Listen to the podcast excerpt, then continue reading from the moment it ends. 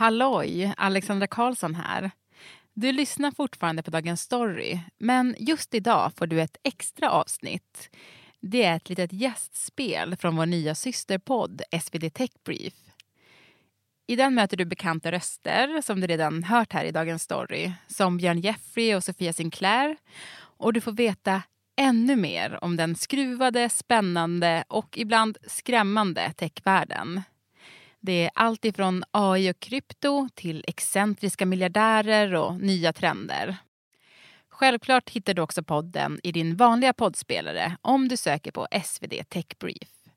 Och nytt avsnitt kommer varje torsdagkväll. Nu kör vi!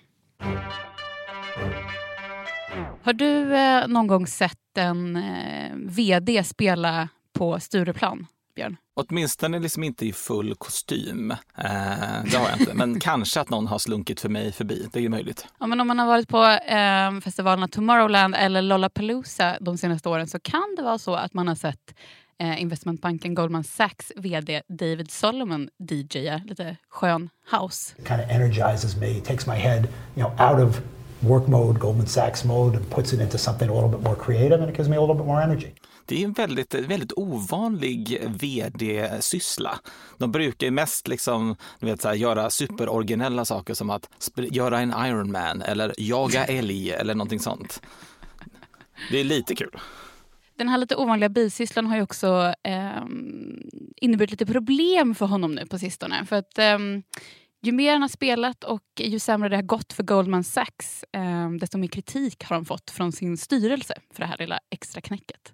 Och det här fick mig att tänka på dig Björn faktiskt. För du har ju gjort den här, du har ju kombinerat det här tidigare. Vara DJ på heta klubbar och driva företag. Jag var både dålig DJ och dålig företagsledare. Men utöver det var jag också gammal och flintskallig. Så jag har ganska mycket gemensamt med David Solomon faktiskt. Mer än man, kan, man kan först kunde tro. Han eh, gick ju under namnet DJ D-Sol. Men eh, nu måste han eh, sluta spela på de här stora festivalerna. Med tanke på att det har börjat gå ja, ganska mycket sämre för Goldman Sachs. Det föranleder ju frågan såklart då, när får DJ DeSol göra comeback eh, där ute? När, när, tror vi att han får, när får han tillåtelse från styrelsen att gå tillbaka och börja spela skivor på riktigt igen? Ja, men kanske när det börjar eh, ske lite fler technoteringar, lite större deals, typ eh, till Lollapalooza 2025 kanske. Fingers crossed för DJ DeSol. Du lyssnar på Tech Brief, en ny podd från Svenska Dagbladet. Jag heter Björn Jeffrey och är techanalytiker. Och jag heter Sofia Sinclair och är techreporter. I veckans avsnitt pratar vi om hur det är möjligt att det kan gå ännu sämre för den forna kryptokungen Sam Bankman-Fried, varför Netflix ska starta butik och restaurang och sen är det dags att börja jobba nu om du vill slippa skämmas för din musiksmak.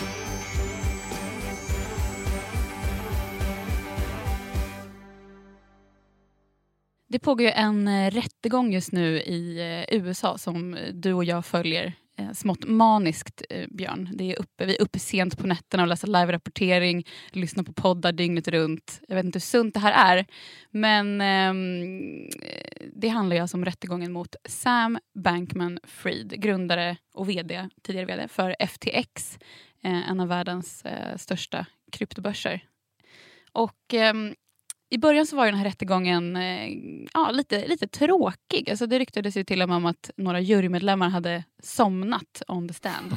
eh, men nu de senaste mm, veckorna har det börjat hända lite grejer. Men det här är en så maffig story så jag tror vi behöver ta en liten kort recap, Björn. Ja, men det kan vi göra. Eh, mycket snabb recap på ett mycket, mycket händelserikt, eh, krypt, ett par väldigt händelserika kryptoår får man väl säga. Ja. Eh, Sam Bankman-Fried då grundare av ett bolag som heter FTX som var en kryptobörs där man egentligen skulle då handla med både krypto och krypto, det som kallas för kryptoderivat, egentligen samma som så här, väldigt krångliga bankprodukter fast med krypto i botten. Mm. Du tar en, en väldigt riskabel grej och så handlar du med det på ett väldigt riskabelt sätt. Um, så där satte folk i massa pengar. Han, blev liksom, han var omslaget på Forbes, jättekänd. Han, han beskrevs ibland som JP Morgan eh, av krypto för att han köpte upp andra eh, kryptobolag som gick så dåligt för att han ville liksom rädda ekosystemet. Och det gjorde JP Morgan back in the day med mm. banksystemet också. Så han sågs lite som kryptos räddare. Eh, men sen så började det liksom gå lite utför. Eh, för vid sidan om eh, FTX så hade han också en hedgefond då, som hette Alameda Research. Den hade han tydligen kallat för research just för att det inte skulle låta så sketchy. Men det har ingenting med research att göra utan det enda de gjorde var att de handlade. Eh, och de gjorde en massa kryptoaffärer. Men de gjorde väldigt dåliga kryptoaffärer. Så de började låna en massa pengar av FTX. Sam Bankman-Fried äger alltså båda de här bolagen samtidigt. Eh, så ju mer pengar Alameda lånade av FTX eh, och sen så förlorade de pengarna så blev det här hålet blev bara större och större och större. Men det är klart att det var bara de på insidan som visste det. Men sen så småningom så framkom det här eh, att eh, var har alla de här pengarna tagit vägen? Och då inser man så här, aha, Alameda har alltså lånat alla kundernas pengar från FTX spelat bort dem, typ på ett eh, kryptokasino kan man säga. Och nu finns det ingenting där. Det är lite som, eh, det är lite som att en stor bank skulle liksom ta sina kunders pengar och göra lite dåliga investeringar och, och, spela bort dem. Typ. vad som var värre i det här fallet var att FTX visade sig hade inte ens ett eget bankkonto. utan alla pengar som har satts in på FTX har ändå hamnat på Alamidas bankkonto. För FTX hade inget riktigt bankkonto alls, och pengarna låg alltid där. Mm. Så nu är i alla fall 8 miljarder dollar borta.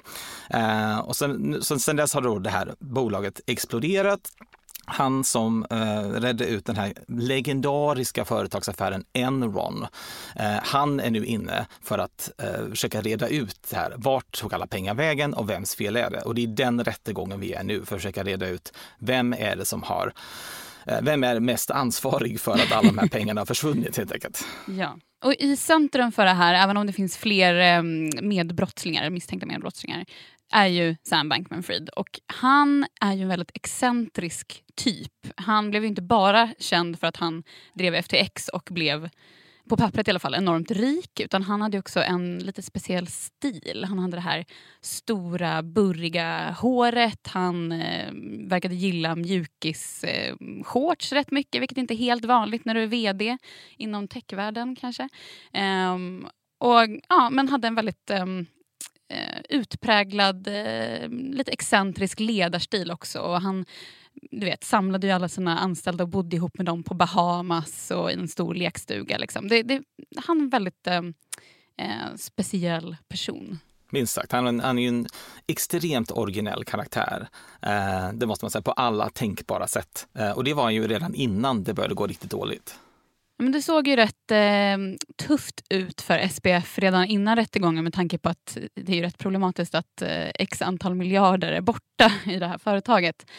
Eh, men sen kan man ju ändå tänka så här, ja, han har väl dyra, duktiga advokater. Eh, och det finns ju också en knäckfråga här som man behöver lösa. Är det medvetet bedrägeri eller handlar det bara om inkompetens? Och här har vi sett nu under de här veckorna att det blir värre för SPF. Otroligt nog. Han började ju redan tidigare ska jag säga, med den här, eh, så fort liksom bolaget gick under eller då filade för det som heter Chapter 11 som är liksom så här konkursskydd, så gjorde han ju väldigt mycket intervjuer, eh, Sam Bankman-Fried som kallas för SBF ibland. Eh, och där var det ju väldigt mycket, oj oj oj, jag har gjort ett stort misstag, det var inte så bra. Att han, han började väldigt tidigt köra den linjen, så här, jag kanske är inkompetent, Exakt. men jag är ingen förskingrare. Exakt. Och den här linjen har man ju också sett från eh, försvaret nu i rättegången. Och enligt de som, som bedömer nu hur den här rättegången går, så eh, om man lyssnar på dem så får man intrycket av att hans eh, advokater har kanske inte hittills gjort ett jättebra jobb. Um, och det har vi sett framförallt när det har varit förhör av det här nyckelvittnet Caroline Ellison. Och vem är hon då? Jo, men hon var ju VD för Alameda Research som du berättade lite om innan Björn. Eh, men hon var också en tidigare flickvän då till Sam Bankman-Fried. De var lite on and off under tiden som de jobbade ihop. Um, och um, ja, Det har helt enkelt funnits en del öppningar här kan man ju tänka som advokaterna kan rikta in sig på um, och liksom sätta in en, en, eh, någon slags nådastöt. men under förhören med henne så har ju snarare SPF framställts i rätt eh, dålig dager och man har ju också liksom visat olika dokument och underlag som pekar på att SPF har informerats om flera av de här besluten som har lett fram till den här kraschen i FTX. Och enligt då Caroline Ellison och lite andra vittnen så ska han ju också ha beordrat dem. Man får känslan av att även om, om eh, Sam Bankman-Fried startade både FTX och Alameda Research, eh, så formellt sett så var det ju då Caroline Ellison som var vd för Alameda. Men allt man, alltså hela känslan man får när man liksom lyssnar på de här förhören är ju det är egentligen Sam Bankman-Fried som bestämmer allting. Ja, och allting verkar också, alla beslut verkar också ha um, blivit run by him innan de sen har genomförts.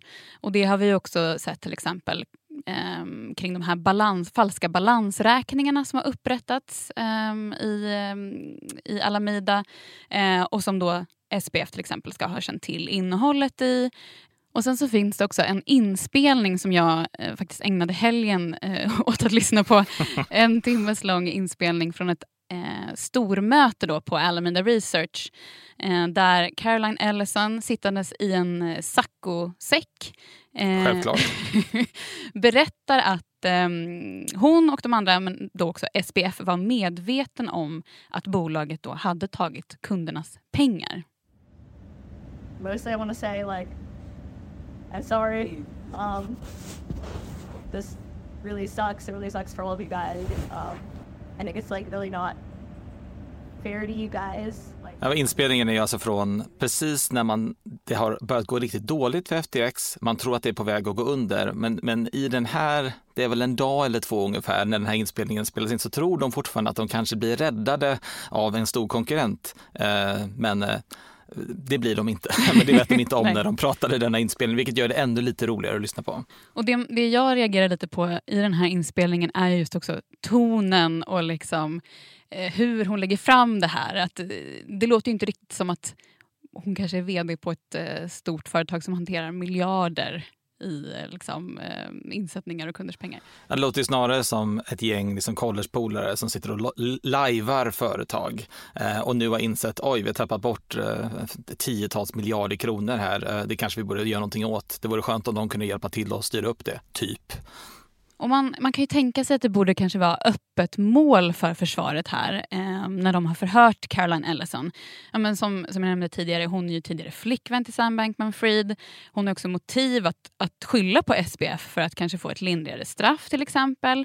Men eh, försvaret verkar inte riktigt ha lyckats slå hål på hennes eller andra vittnens trovärdighet än i alla fall.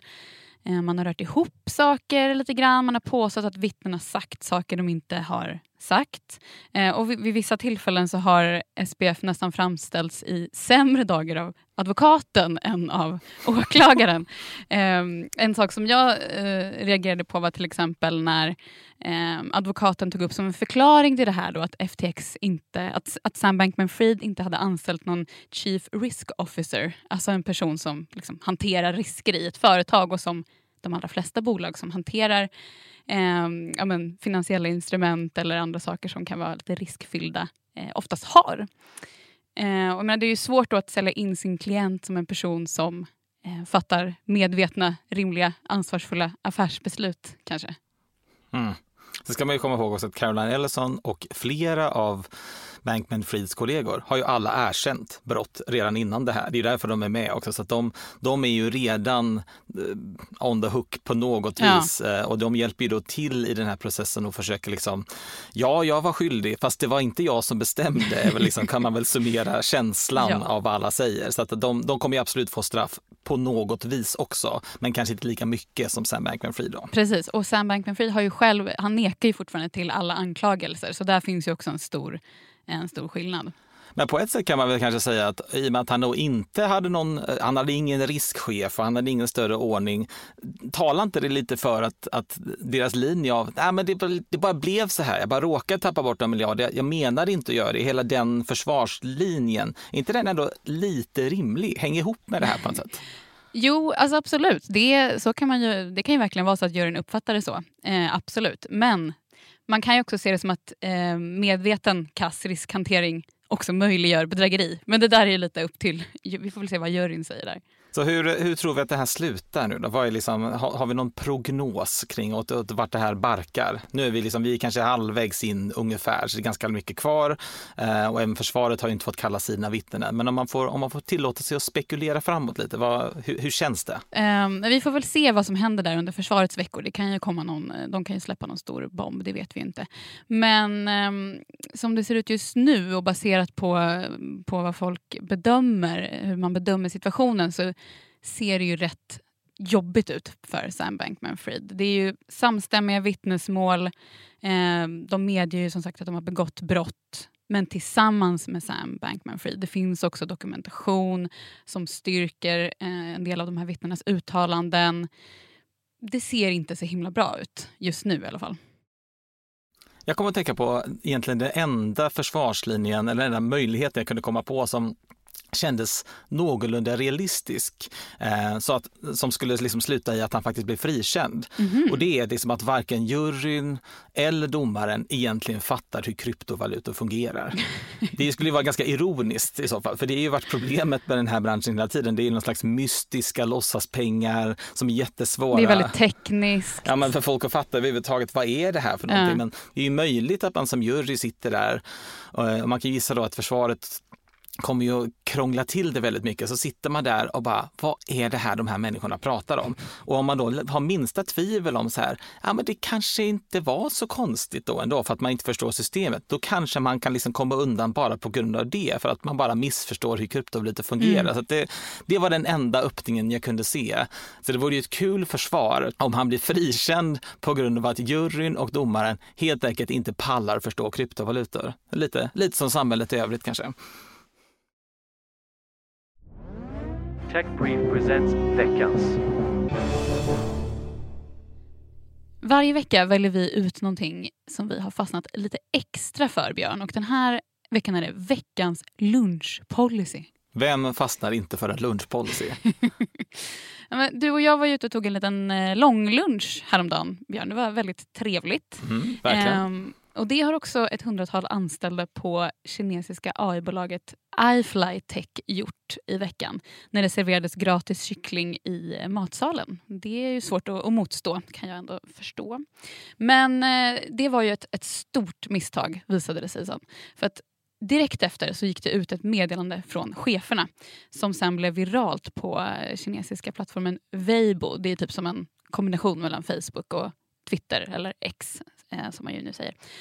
De som lunchar längre än en timme straffas då med ett lägre betyg för sin arbetsinsats. Det ser inte jättebra ut för dig och mig i så fall. Om vi hade haft motsvarande policy på Svenska Dagbladet så tror jag att vi hade trillat dit ganska hårt på detta. Jag tror vi hade varit körda tyvärr, i alla fall den här veckan. Men det är tur att du och jag inte jobbar på ett eh, AI-bolag som försöker utveckla generativa AI-produkter i alla fall, Björn. Um, för det verkar som att med den här stressen att vinna AI-racet, att eh, Kina ska slå USA, eh, så kanske pressen har ökat lite grann. Är inte det här ett tecken på det, tror du? Det kan vara ett tecken på det, men man kan ju samtidigt tänka om du har problem med dina AI-produkter, är det längden på lunchrasten som är den avgörande faktorn? är det det Sam Altman har liksom drillat in i OpenAI, eh, hans anställda? Så här, om ni bara tar lite kortare luncher, då kommer vi lösa detta till slut. Jag är inte säker på detta.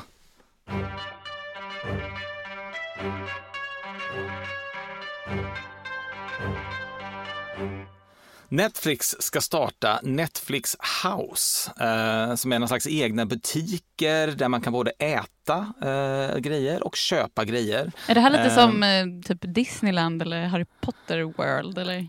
Ja, det är som Disneyland fast det är liksom i miniatyrformat. Mm. Det här är som ett enda ställe. Eh, de ska öppna det i 2025 i USA så kommer det två, två då butiker som blir precis som ett, ett mikrokosmos. Mm. Eh, eh, Disneyland är ju fruktansvärt dyrt, fruktansvärt stort. det här är kanske lite dyrt men framförallt väldigt litet. Men mm. det är liksom en start på någonting. Um, Netflix har faktiskt pysslat lite med sånt här tidigare också. Uh, kollar du på Stranger Things? Ja, såklart. Eh, för i Stranger Things så finns det en pizzeria Mm. som spelar en framträdande roll kanske man ska säga, men det dyker upp lite då och då. Det, hade varit problematiskt om, om pizzerian hade varit den mest framträdande rollen Nej, i Stranger Things. Stark biroll är det då. Surfer Boy Pizza. Eh, och då, sedan tidigare då så har Netflix till exempel då gjort frusna pizzor i en Surfer Boy pizzakartong som man då säljer Mm. på Walmart, den här enorma grejen. Eh, men man har också gjort lite annat, så här, gjort lite pop-ups kring Stranger Things. Bridgerton också. Ja, precis. Något man kunde få leva i den här eh, Bridgerton-världen för en kväll. Ja, väldigt elegant. Det har varit snack om att göra någonting med Squid Game. Där finns ju liksom potential för mycket humor och kanske lite dystopisk känsla också. Ehm, men en intressant fråga som man ställer sig då är så här, okej, varför händer detta överhuvudtaget? Varför gör Netflix den här typen av grej? För så här har de ju liksom inte hållit på allt för mycket tidigare. Eh, och det tycker jag tyder på liksom en, en, en generell spaning. Vad gör man som en streamer när streamingtillväxten börjar ta slut? Ehm, Netflix rapporterade ju precis då, ehm, nu i veckan här, eh, att de faktiskt hade ökat mängden Mm. konton igen. Eh, men sättet som de hade gjort det var ju att folk hade signat upp på de billigare eh, kontona, det vill säga de som har annonser, Mm. men också att de har börjat jaga då alla som delar lösenord. Ehm, jag fick upp en sån på, på min eh, tv häromdagen, så här, du vet väl att eh, du kan skapa konton till andra som använder det. Eh, nu ska jag bara till mitt eget försvar säga, det är jag som betalar och det är andra som Ja. lånar mitt konto. Såklart. Men det är så man, liksom, man har lyckats med det. Men, men när streamingtillväxten börjar liksom dö ut, det finns inte hur många människor som helst som kan signa upp sig på streaminggrejer, då måste man börja titta på andra grejer. Och det här har man ju också sett när det gäller licensiering. När Netflix startade så hade man ju inte sina egna shower på, eller serier på samma sätt utan då tog man ju in eh, grejer från HBO till exempel eh, och man liksom delade med sig av innehåll på ett helt annat sätt. Eh, men efter ett tag så insåg man ju att man ville göra eget innehåll eh, för plattformen och att det var en bättre strategi. Och vi kan ju höra lite när Netflix vd Reese Hastings pratar om det här. So for a long time, uh, we only had other people's shows that they had launched, uh, like Mad Men, Breaking Bad, great shows, but um, we were not the originating network. Um, and then we started to expand into original series, of course, first with House of Cards and continuing to, to grow now with a new show, Glow, in another month. Det här var alltså ett par år sedan. Eh, De har gjort House of Cards, de har gjort lite så här, några serier, men framförallt så han får det ju låta som att de bara har kommit på den här idén. Eh, Men det är egentligen inte det. Hans problem på Netflix vid den här tiden, eh, det är väl 2017 tror jag det här klippet kommer ifrån, det är att alla då börjar ta tillbaka sitt innehåll och börjar göra motsatsen och komma på så här, vet ni vad, vi ska nog inte ge vårt material till Netflix längre om man sitter som HBO eller Disney. Faktum är att Disney Plus, eh, den streamingtjänsten, tog ju, det, det tog lång tid för dem att lansera för att de hade licensierat ut allt sitt innehåll. Netflix satt på jättemycket Disney-innehåll och de var tvungna att vänta på att det avtalet gick ut för att få tillbaka det igen. Eh, Så att liksom hela den rådande tiden, de sista tio åren kan man säga, har ju varit, nej men äg ditt eget innehåll, skicka inte det vidare. Eh, Men vad som händer nu är precis tvärtom. Jag vet inte om, de, om ni har loggat in på Netflix på sistone, men plötsligt så ser man liksom HBO-serier som, som ligger längst upp i topp på Netflix. Och detta är alltså, nu är vi liksom tillbaka till hur det var för, för över tio år sedan. Men eh, man kan väl tolka det här lite som att den eh, gyllene eran för tv är slut för, för den här gången. Ja, det är flera grejer som händer samtidigt. Dels då så vill man få in mer intäkter och det gör man då genom att man höjer priserna, man licensierar ut material, det vill säga man säljer sina serier till vem som än vill ha den och kan tänka dig ge det pengar.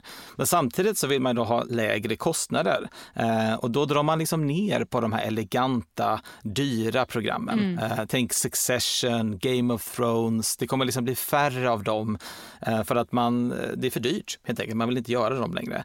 Ehm, och man kan också Och tänka kanske sig då, mer av de här eh, generiska eh, high school kärlekshistorierna som Netflix har dunkat ut rätt mycket de senaste åren. Ja, det, det kan bli ännu billigare tror jag. Tänk eh, Love at first sight, X on the beach eh, och andra saker med eh, varierande kvalitet kan vi väl kalla dem.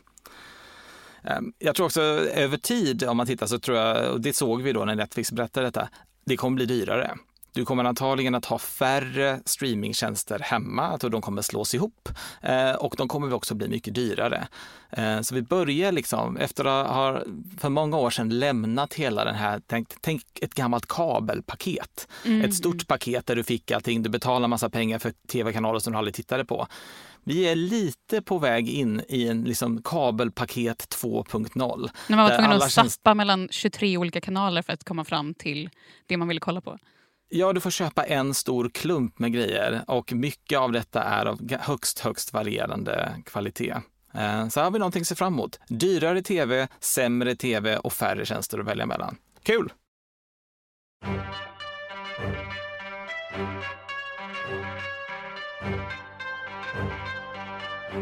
Nu kommer ett tips till er alla för att eh, om lite mer än en månad så kommer liksom Instagram att fyllas med liksom en massa musikskryt. Eh, för då kommer nämligen Spotify Wrapped, det vill säga sammanfattningen av vad du har lyssnat på under hela året. Och då brukar liksom allas listor brukar poppa upp i varenda sociala medier som man kan tänka sig. Eh, hur brukar du reagera när du, när du får se vad du har lyssnat på under året? Alltså innan man faktiskt går in och kollar så är det ju skräck, eh, eh, skräckblandad förtjusning skulle jag säga.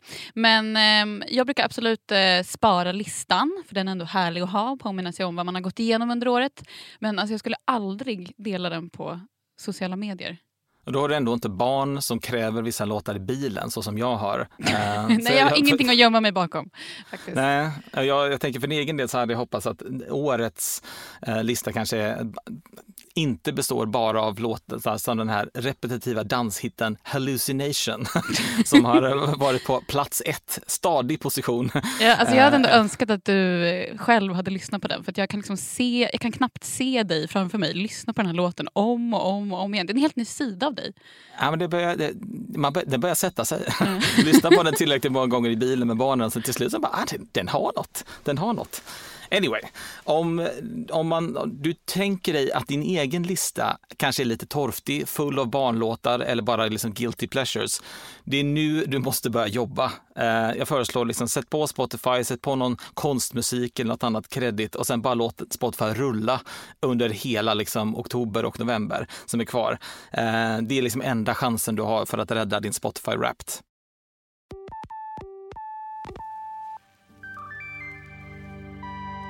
Du har lyssnat på Techbrief från Svenska Dagbladet. I studion denna vecka var jag, Björn Jeffrey och Sofia Sinclair. Producent var Marcus Morey Haldin. Redaktör Claes Lönegård. I redaktionen ingår även Teresa Stenler von Matern, Daniel Persson Mora, Henning Eklund, Erik Wisterberg och Louise Andrén Leiton. Ljudklippen i podden kom från Yahoo Finance, Insider och Recode. Ansvarig utgivare är Martin Ahlqvist. Om ni vill nå oss får ni gärna mejla på techbrief.svd.se. Vi hörs nästa vecka.